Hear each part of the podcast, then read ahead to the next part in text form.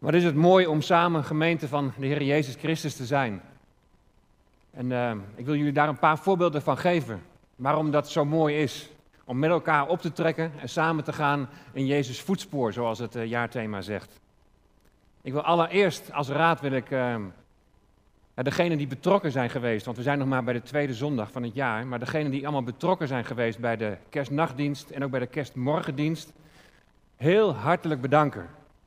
Want uh, ja, we zien als mensen niet vaak wat er allemaal achter de schermen moet gebeuren, maar er is zo ontzettend veel werk verzet.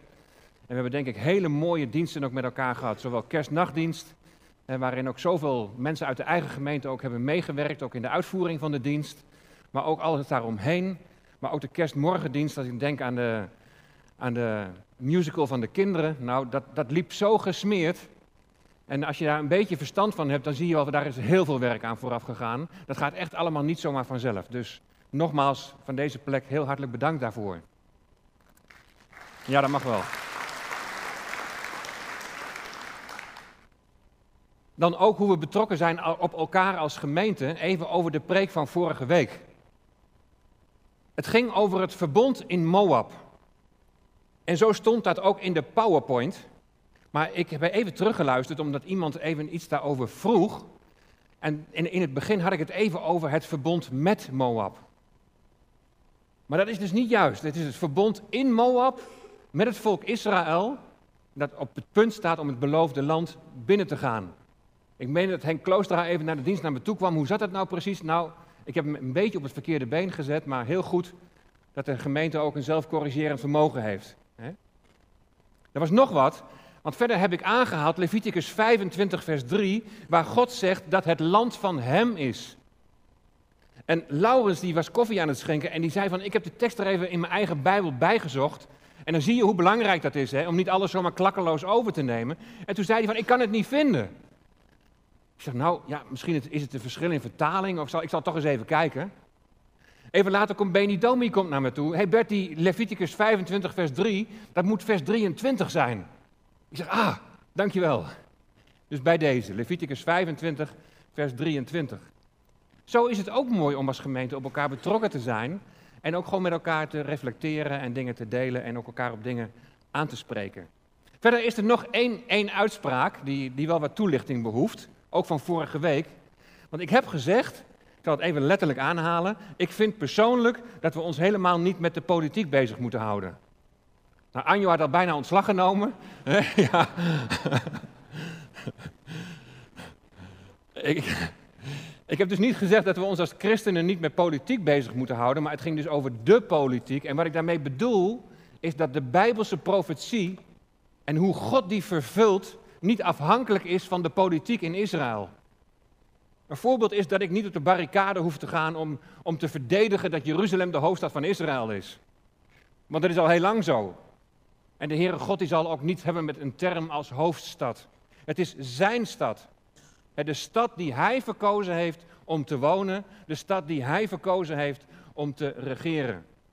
En natuurlijk volg ik de politiek van Israël. En ik heb ook nog wel aangegeven hè, dat Trump mogelijk misschien ook best wel als een kores gebruikt zou kunnen worden, wie weet. Maar dat weten we allemaal niet. Boven alles laat ik me leiden door wat de Heere God heeft gezegd en beloofd en wat Hij zal doen. En dat zal Hij doen. En daarbij is Hij niet afhankelijk van wat politici besluiten over het land. Dus even weer in de goede context gezet. Nou, zo ontstonden vorige week na de dienst wat mooie, opbouwende gesprekken met elkaar. En heel goed om daar ook op terug te komen en daar ook op te bevragen. Dat vind ik alleen maar zelf ook prettig. En dan voor vandaag het nieuwe verbond. We leven in de 21ste eeuw, in 2019. Eh, nou, daarmee vertel ik jullie niks nieuws. Maar nu gaan we zo meteen lezen uit een heel oud boek. De Bijbel. En de naam Bijbel, dat komt van het Griekse biblos. En dat betekent, en dat betekent boek. Boek. En inderdaad, dat, refereert bij ons ook wel een beetje aan het woord bibliotheek. Nou, zoals in een bibliotheek allemaal verschillende boeken staan, van allemaal verschillende schrijvers met allemaal heel verschillende achtergronden, zo is dat met de Bijbel dus ook het geval. Het is een verzameling van 66 boeken. Ik noem het maar even boeken, er zijn ook brieven natuurlijk, maar 66 boeken. En er zijn wel zo'n 40 verschillende schrijvers. Met allemaal hun eigen achtergrond en hun eigen beroep. Landbouwers, vissers, muzici, profeten, geestelijken, koningen, geleerden, artsen enzovoort. Dus heel divers. De Bijbel. Een boek dat uit twee delen bestaat: het Oude Testament en het Nieuwe Testament. Het Oude Testament, 39 boeken, en dat beslaat een periode van, nou ja, plus minus 4000 jaar.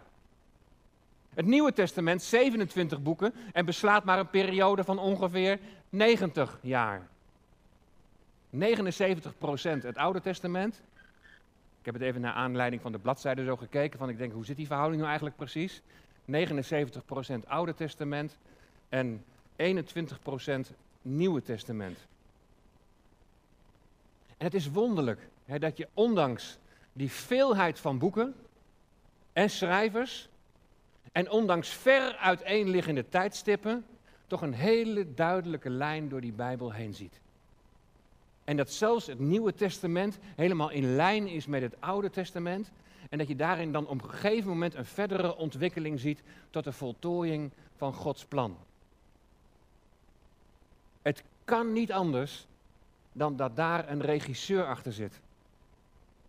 Een regisseur die niet aan tijd is gebonden. Nou, en dat geloof ik ook. De Bijbel, Gods woord, geïnspireerd door de Heilige Geest. Maar voor ons zijn die boeken en die brieven die zijn niet altijd zo gemakkelijk te begrijpen. Dat komt omdat wij in een andere tijd leven, in een andere cultuur dan waarin de Bijbel geschreven is. Al gauw wordt het volgende beeld van de Bijbel voorgespiegeld. Het zal zo meteen wel duidelijk worden waarom ik deze inleiding zo doe. Al gauw wordt ons het volgende beeld van de Bijbel voorgespiegeld. Het Oude Testament gaat over Israël.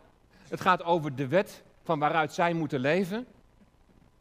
En we noemen dat de oude bedeling. Nou, bedeling is gewoon een ander woord voor een tijdperk, het oude tijdperk. Het Nieuwe Testament gaat over de gemeente, gaat over het evangelie, gaat over de genade en dat noemen we de nieuwe bedeling. Het nieuwe tijdperk. Het oude en het nieuwe. Het nieuwe verbond. Waar vaak niet over nagedacht wordt, is dat de evangeliën, Matthäus, Marcus, Lucas en Johannes, daar als het ware een beetje tussen bungelen.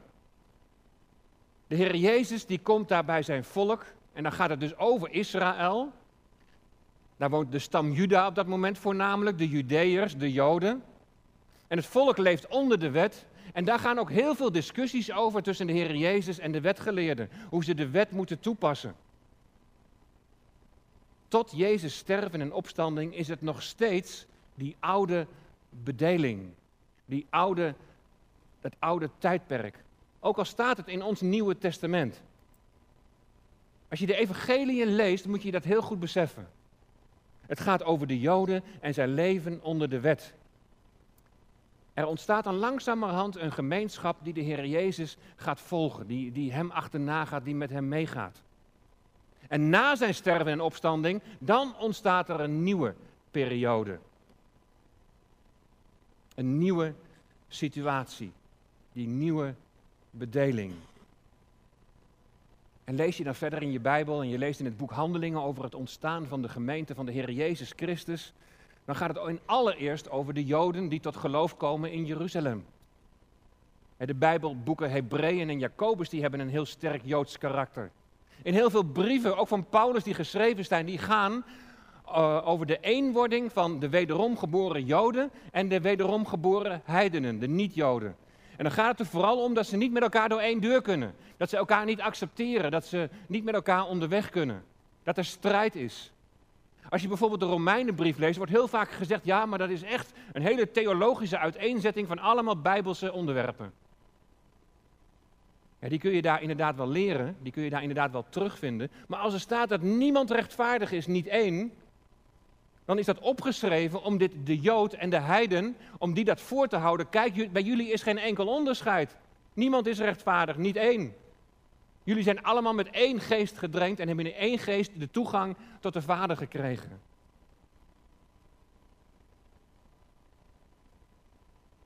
Wij zijn geen Jood. Althans, de meesten onder ons niet, denk ik. Zijn er mensen onder ons die wel Joods bloed hebben? Ik kijk wel eens even benieuwd naar. En dan gaat wel een hand omhoog. Ja. Ja, twee. Maar de meesten dus niet. Maar we hebben wel met een, een heel Joods boek te maken. En daar kunnen we niet en daar willen we niet omheen. En we hebben de leiding van de Heilige Geest nodig om te verstaan wat wij lezen, waarbij we een, een kloof van tijd en cultuur en ook nog weer van taal moeten overbruggen. We hebben de leiding van de Heilige Geest nodig om, om te onderscheiden wat in de Bijbel betrekking heeft op Israël, wat we niet zomaar één op één kunnen vertalen op, op onszelf, op de gemeente, tenzij het woord daar ook heel nadrukkelijk aanleiding toe geeft. Nou, als de Bijbel dan een Joods boek is en er zoveel betrekking heeft op het Joodse volk, is het dan zeker wat het Oude Testament betreft nog wel relevant voor ons? Jazeker, want het gaat niet om Israël, het gaat om de God van Israël die zich openbaart in dit woord. Het gaat om de Zoon van God die zich openbaart in dit woord. En dat gebeurt al in het Oude Testament. We zijn met de verbonden bezig. Hè? De eerste vijf verbonden waar we het over hebben gehad, die staan in de eerste vijf boeken van de Bijbel. En die eerste vijf boeken die noemen we ook wel de Torah. In de Torah daar zien we al een blauwdruk voor de rest van de Bijbel. Als je die niet leest en als je die niet begrijpt, dan begrijp je ook niets van het Bijbelboek Hebreeën in het Nieuwe Testament. Want het is daar helemaal op geënt. Als je de Torah niet leest en kent, dan versta je het Bijbelboek Openbaring, het laatste Bijbelboek, dat ga je niet verstaan. Want daarin zitten zoveel verwijzingen ook weer naar dat Oude Testament. Vaak niet eens helemaal zichtbaar, maar ook een beetje onder de regels door.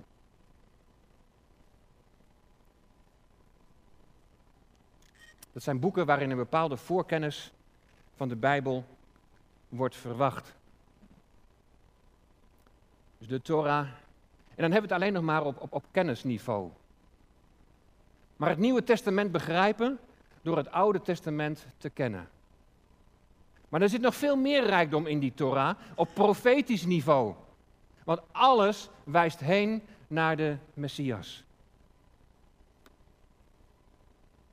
Door met die Torah, door met die eerste vijf boeken zo bezig te zijn, begrijpen we steeds meer dat de geboorte van Jezus, dat zijn lijden, sterven en opstanding onderdeel is van Gods plan dat in vervulling zal gaan. En natuurlijk kan God ook een tekst uit het Oude Testament, dat betrekking heeft op Israël, kan die ook voor jou gebruiken. Vaak wordt een tekst aangehaald, bijvoorbeeld uit Jeremia, dat hij ons een hoopvolle toekomst heeft beloofd. Natuurlijk is dat in de eerste plaats voor Israël. Maar het kan zijn dat je met zo'n tekst aan het lezen bent en dat God op dat moment jouw hart daarin raakt.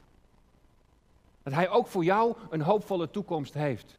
Maar we moeten het onderscheid wel, wel blijven, blijven opletten. De Torah en de rest van het Oude Testament, de profeten, helpt ons om te groeien in het kennen van Hem. Hij die ons lief heeft en wij willen volgen. Maar voor volgen en voor vertrouwen, en we willen samen gaan in Jezus' voetspoor, voor volgen en vertrouwen moet je iemand beter leren kennen. Moet je iemand dieper leren kennen. Nou, en dat is wat we ja, met dit woord willen doen. We willen Hem, die ons dit woord gegeven heeft, willen we dieper leren kennen. Opdat we Hem meer leren te vertrouwen, opdat we daadwerkelijk ook in Zijn voetspoor zullen gaan. Vandaag het nieuwe verbond. En dat staat hier in het rijtje, de nieuwe bedeling, in het rijtje van het Nieuwe Testament. Maar waar wordt nou in de Bijbel voor het eerst over dat nieuwe verbond gesproken?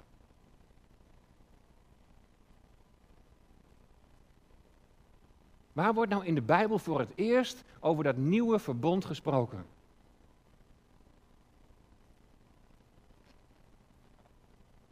Jezaja hoor ik hier.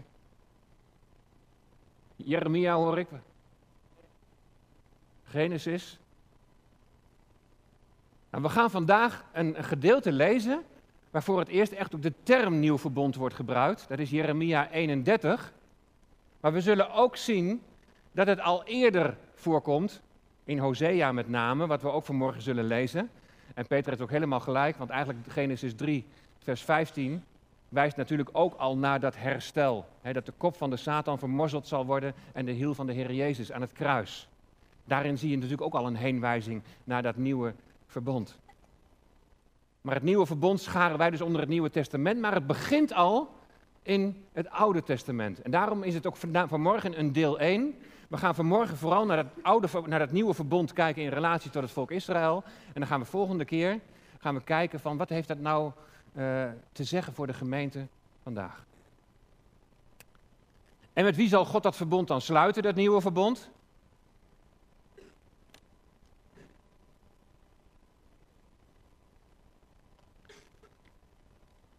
Als je nou op de website kijkt, en straks komt er een nieuwe website, die wordt prachtig, maar daar staat bij iedere dienst welk Bijbelgedeelte we gaan lezen.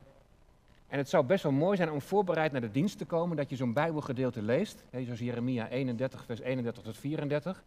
En dan weet je ook direct het antwoord op zo'n vraag, met wie dat verbond gesloten wordt. Dat verbond wordt gesloten met het huis van Israël en het huis van Juda. Zullen we het gaan lezen? Jeremia 31 vanaf vers 31.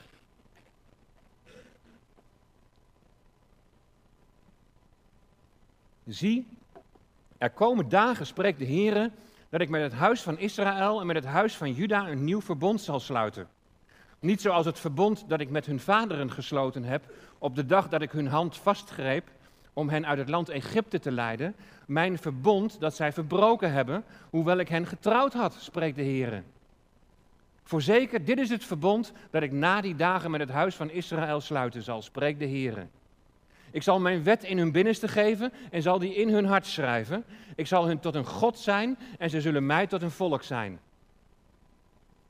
Dan zullen zij niet meer een ieder zijn naaste en een ieder zijn broeder onderwijzen door te zeggen, ken de Heere, want ze zullen mij allen kennen. Vanaf hun kleinste tot hun grootste toe, spreekt de Heere. Want ik zal hun ongerechtigheid vergeven en aan hun zonde niet meer denken. Jeremia 31, vers 31 tot 34.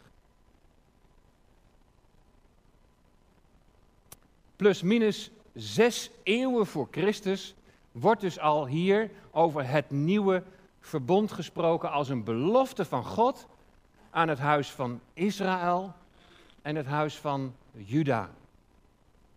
Het huis van Israël, dat zijn de tien noordelijke stammen. En het huis van Juda, dat zijn de twee zuidelijke stammen. Samen die twaalf stammen van Israël. Met hen wordt dit nieuwe verbond gesloten, of zal met hen gesloten worden. En het is een eenzijdig verbond.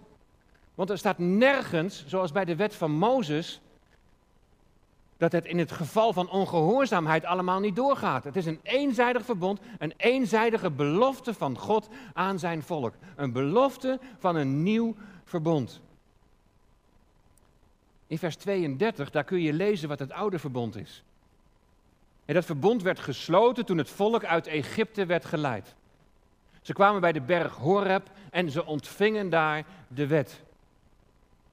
Nou, ik heb dit verbond wel vaker omschreven als een huwelijksverbond. Hoewel ik hen getrouwd had, zegt de Heer hier. De Heere God de man en Israël de vrouw. En dan de wet als de huwelijkse voorwaarde. Dat is het oude verbond. En dan staat hier in vers 32 dat ze dat verbond hebben verbroken. Nou, vorige week, toen ging het over het verbond in Moab. En vlak voordat ze het beloofde land binnengingen, werden ze door Mozes gewaarschuwd.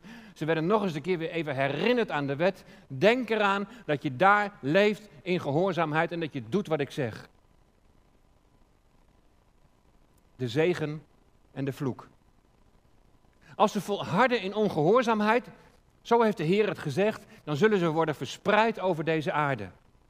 En dat is gebeurd. Het verbond is verbroken. De tien stammen weggevoerd door de Assyriërs. De twee stammen weggevoerd door de Babyloniërs. De profeet Jeremia, uit wiens boek we net hebben gelezen, die schrijft tijdens die ballingschap. En dan zegt de Heere God door de mond van deze profeet, hoewel ik hen getrouwd had. Maar ze hebben het verbond, ze hebben het huwelijksverbond, hebben ze verbroken. Nou, hoe ernstig de situatie is, dat wordt heel duidelijk beschreven in het Bijbelboek Hosea. Hosea is een profeet in dat noordelijke rijk, in Israël, en hij schrijft nog voor de ballingschap.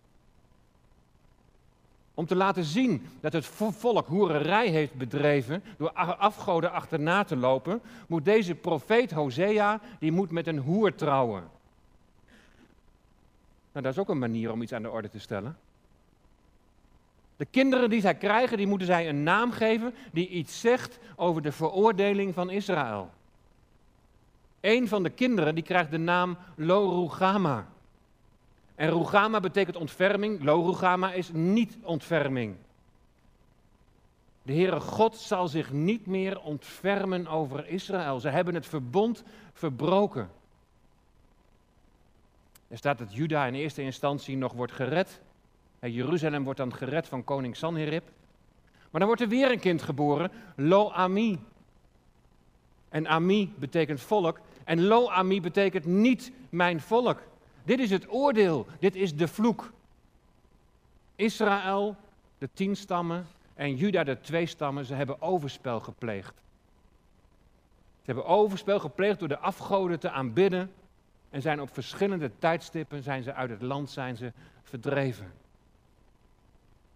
Bij Hosea gaat het om Israël, om de noordelijke tien stammen. De twee stammen, een klein deel daarvan, die keren terug uit de ballingschap.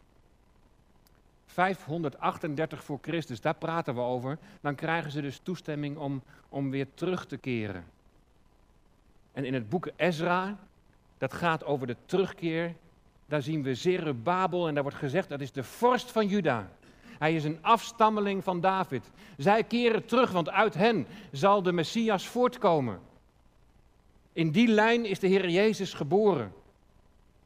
En dan zie je na die ballingschap bij Juda best wel enigszins herstel. Jeruzalem wordt herbouwd, de tempel wordt herbouwd, maar je ziet geen geestelijk herstel. En ook als de Heer Jezus Christus komt als de Messias, wordt hij afgewezen.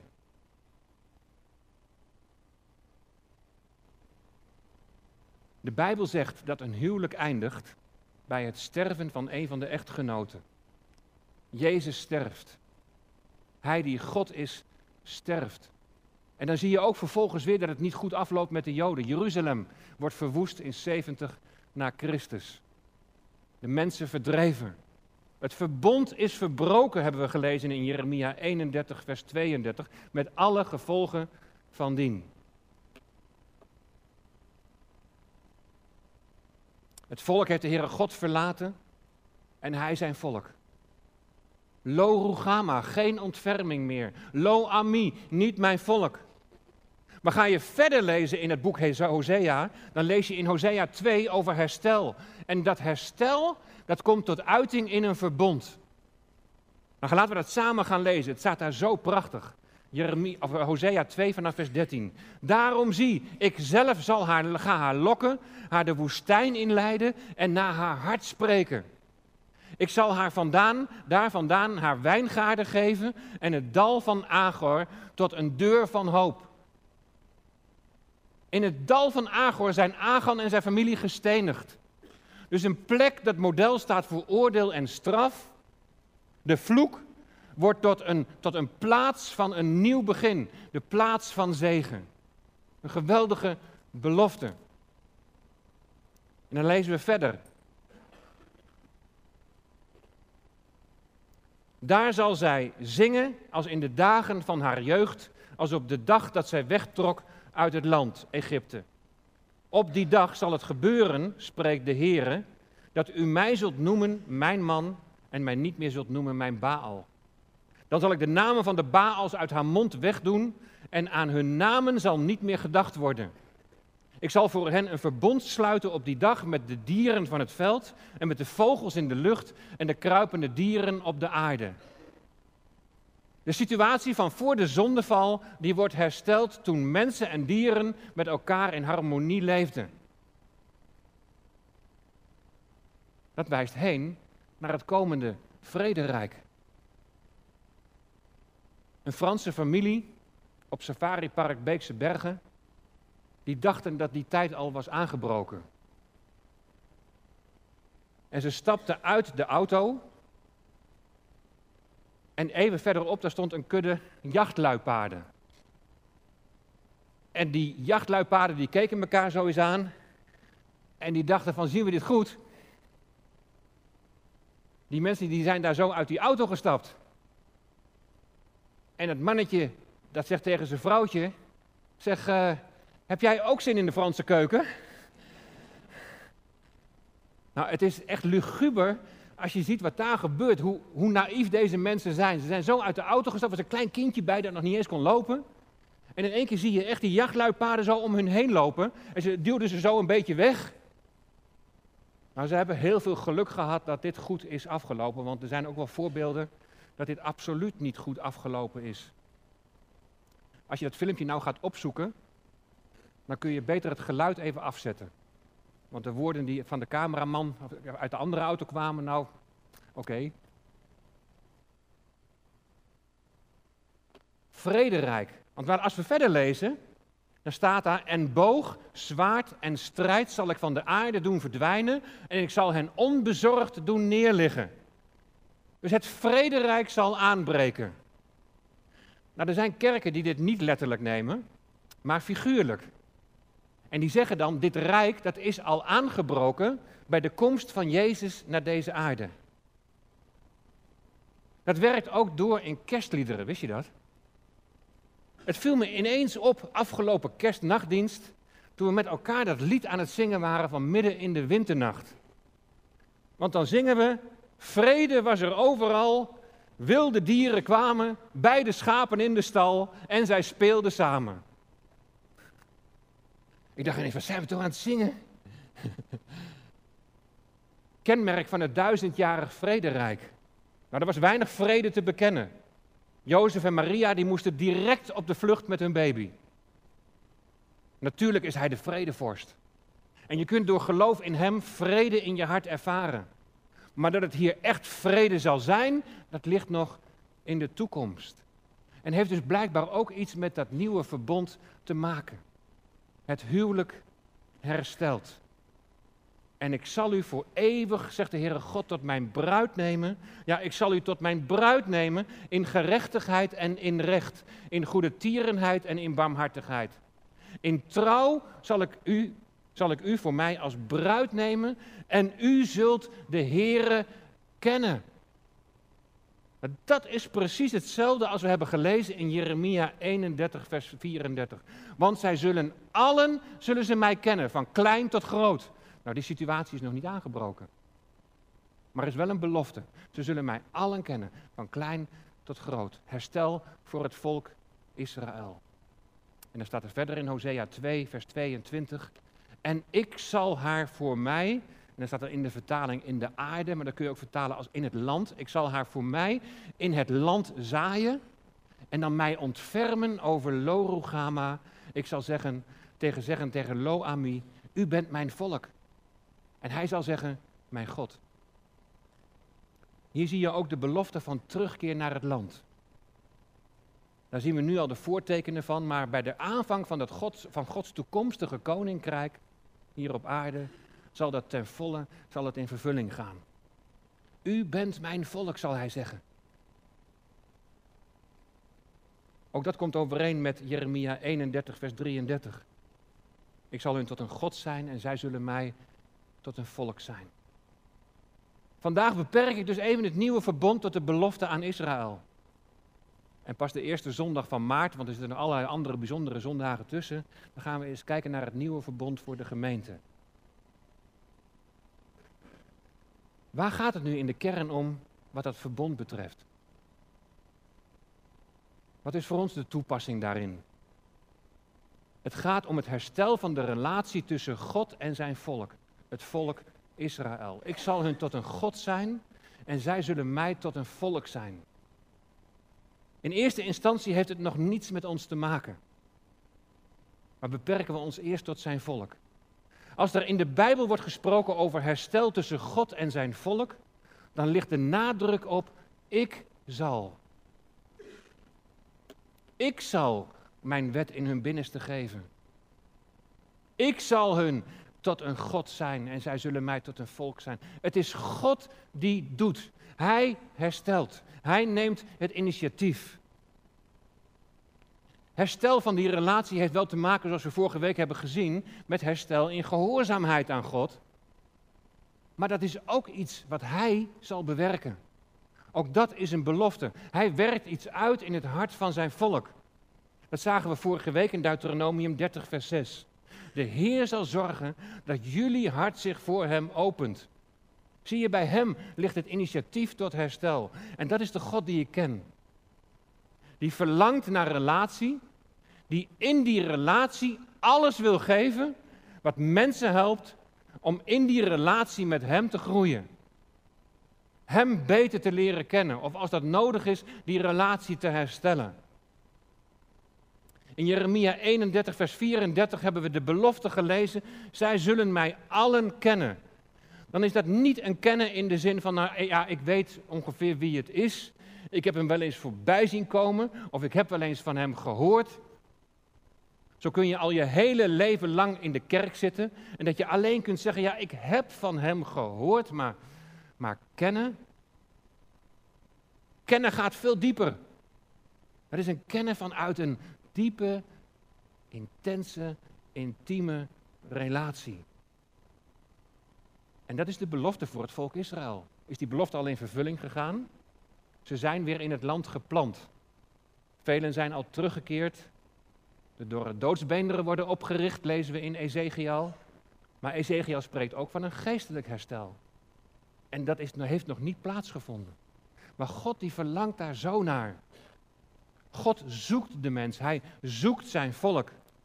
En hij verlangt ernaar om zijn liefde met zijn volk te delen.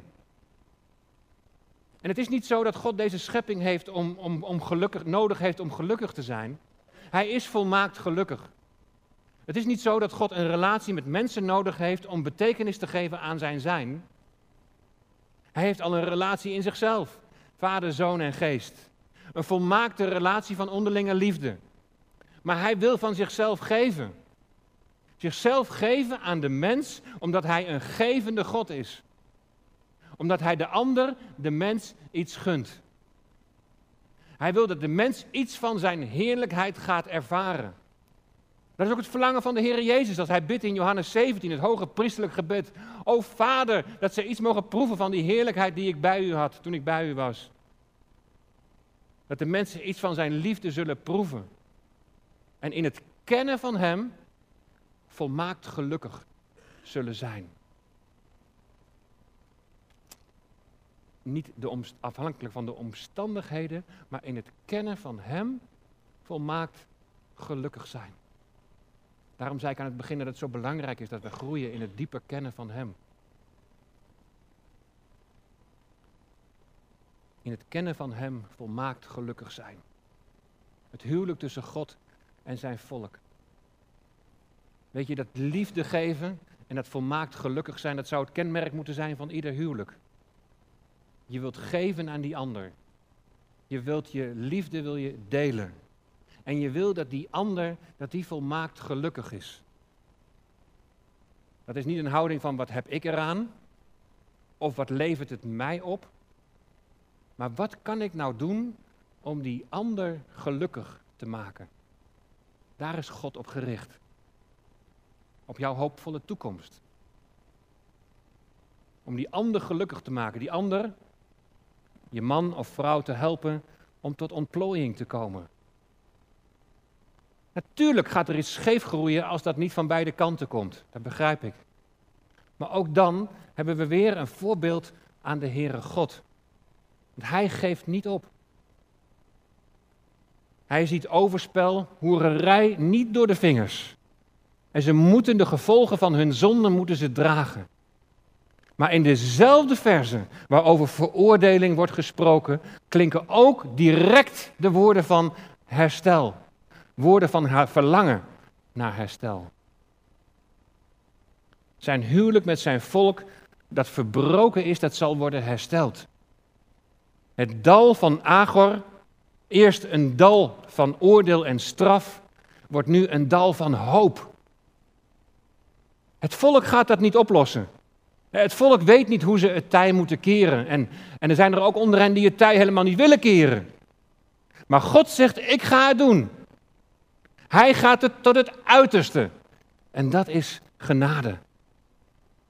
In Ezekiel 36 is, een, is het een opsomming van ik zal. Ik zal rein water op u sprenkelen. Ik zal u een nieuw hart geven. Ik zal mijn geest in uw binnenste geven. Ik zal u verlossen van al uw onreinheden. God zegt, ik ga het doen. Maar misschien is het in je huwelijk tot een dieptepunt gekomen. Of is het tot een sleur gekomen dat je niet meer echt, zeg maar, die liefde ervaart. En je kunt het betrekken op allerlei andere onderlinge relaties tussen mensen. Familie, broer en zus, vader en kinderen. Je merkt bij die anderen of je merkt bij jezelf dat je niet meer echt kunt zeggen dat je echt gelukkig bent. Denk eens na over een nieuw verbond. Het verlangen naar herstel uitspreken. Elkaar je zonde beleiden.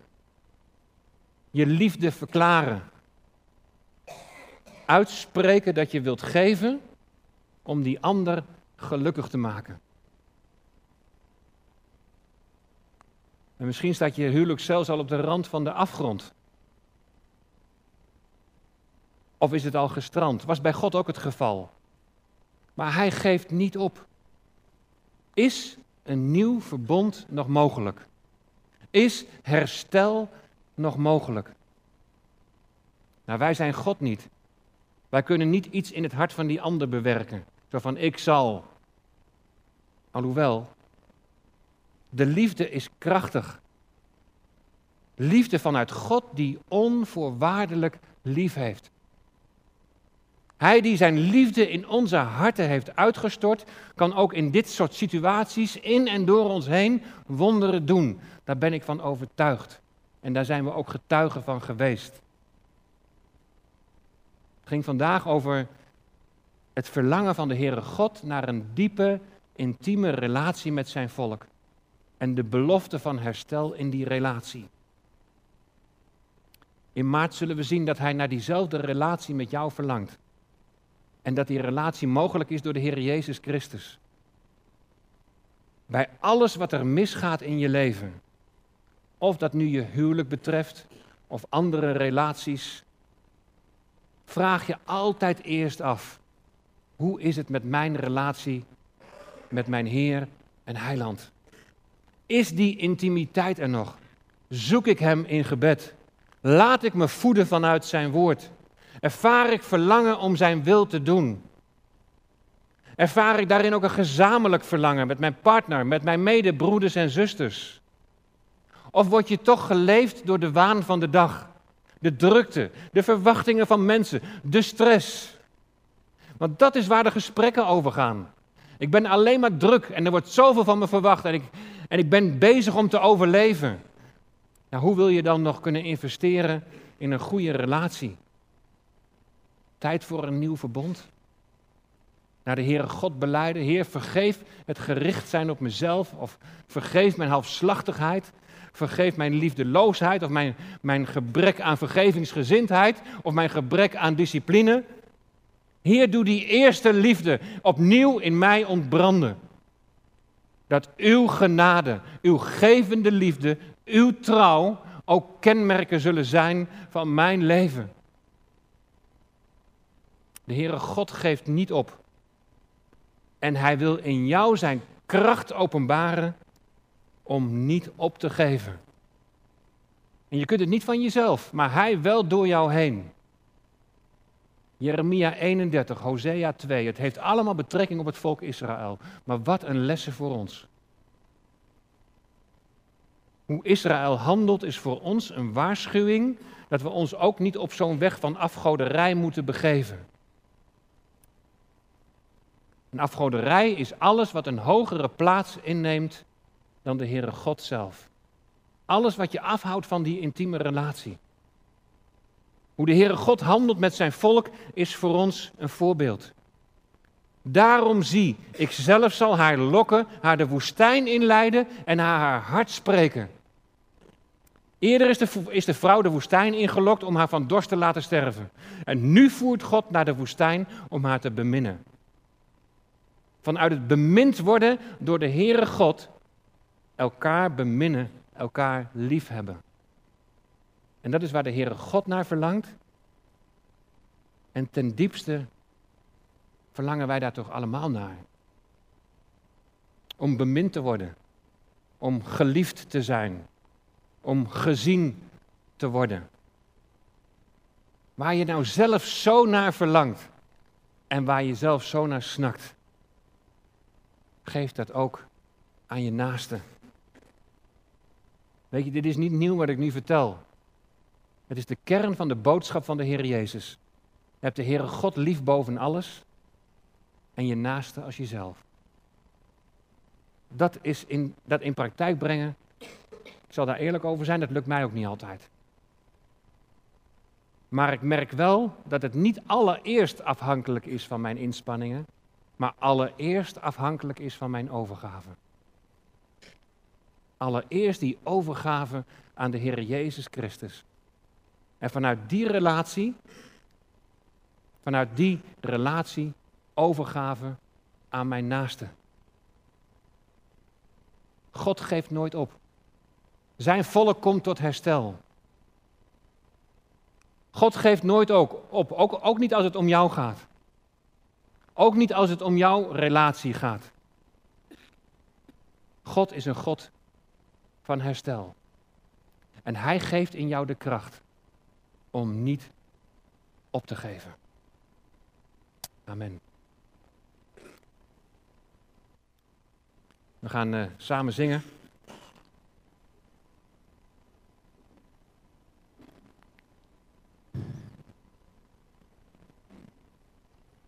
Een van de liederen, zo heb je dat soms die in mijn top 10 staan.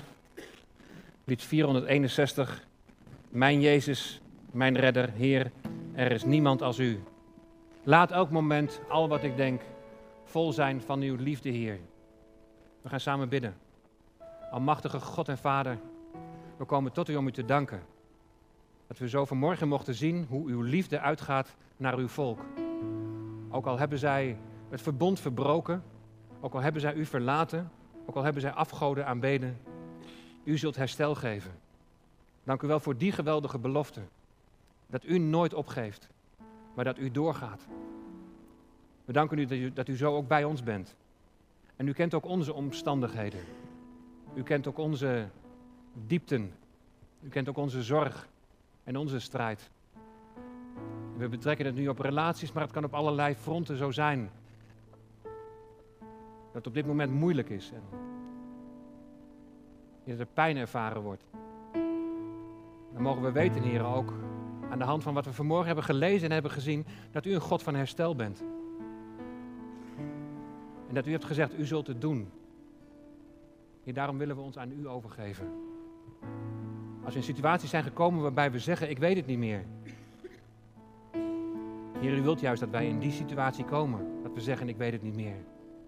Maar dat we u om raad gaan vragen. U betrekken in alle aspecten van ons leven. Heer, kom zo tot uw doel. Heer, wees een ieder nabij die zich deze morgen aangesproken voelt. En die zegt, deze situatie die gaat over mij. Heer, dat we deze dag niet voorbij laten gaan, maar uw aangezicht zullen zoeken. Bij uw raad zullen vragen. Dat we zullen uitspreken, Heer, ik wil herstel. Dat we naar die ander uit mogen gaan spreken. Ik wil herstel, ik weet nog helemaal niet hoe, maar ik wil herstel. Ik wil mijn zonde beleiden, mijn tekortkomingen. Ik wil het gericht zijn op mezelf, wil ik beleiden. En ik wil uitspreken mijn liefde voor jou. In de naam van Jezus. Amen.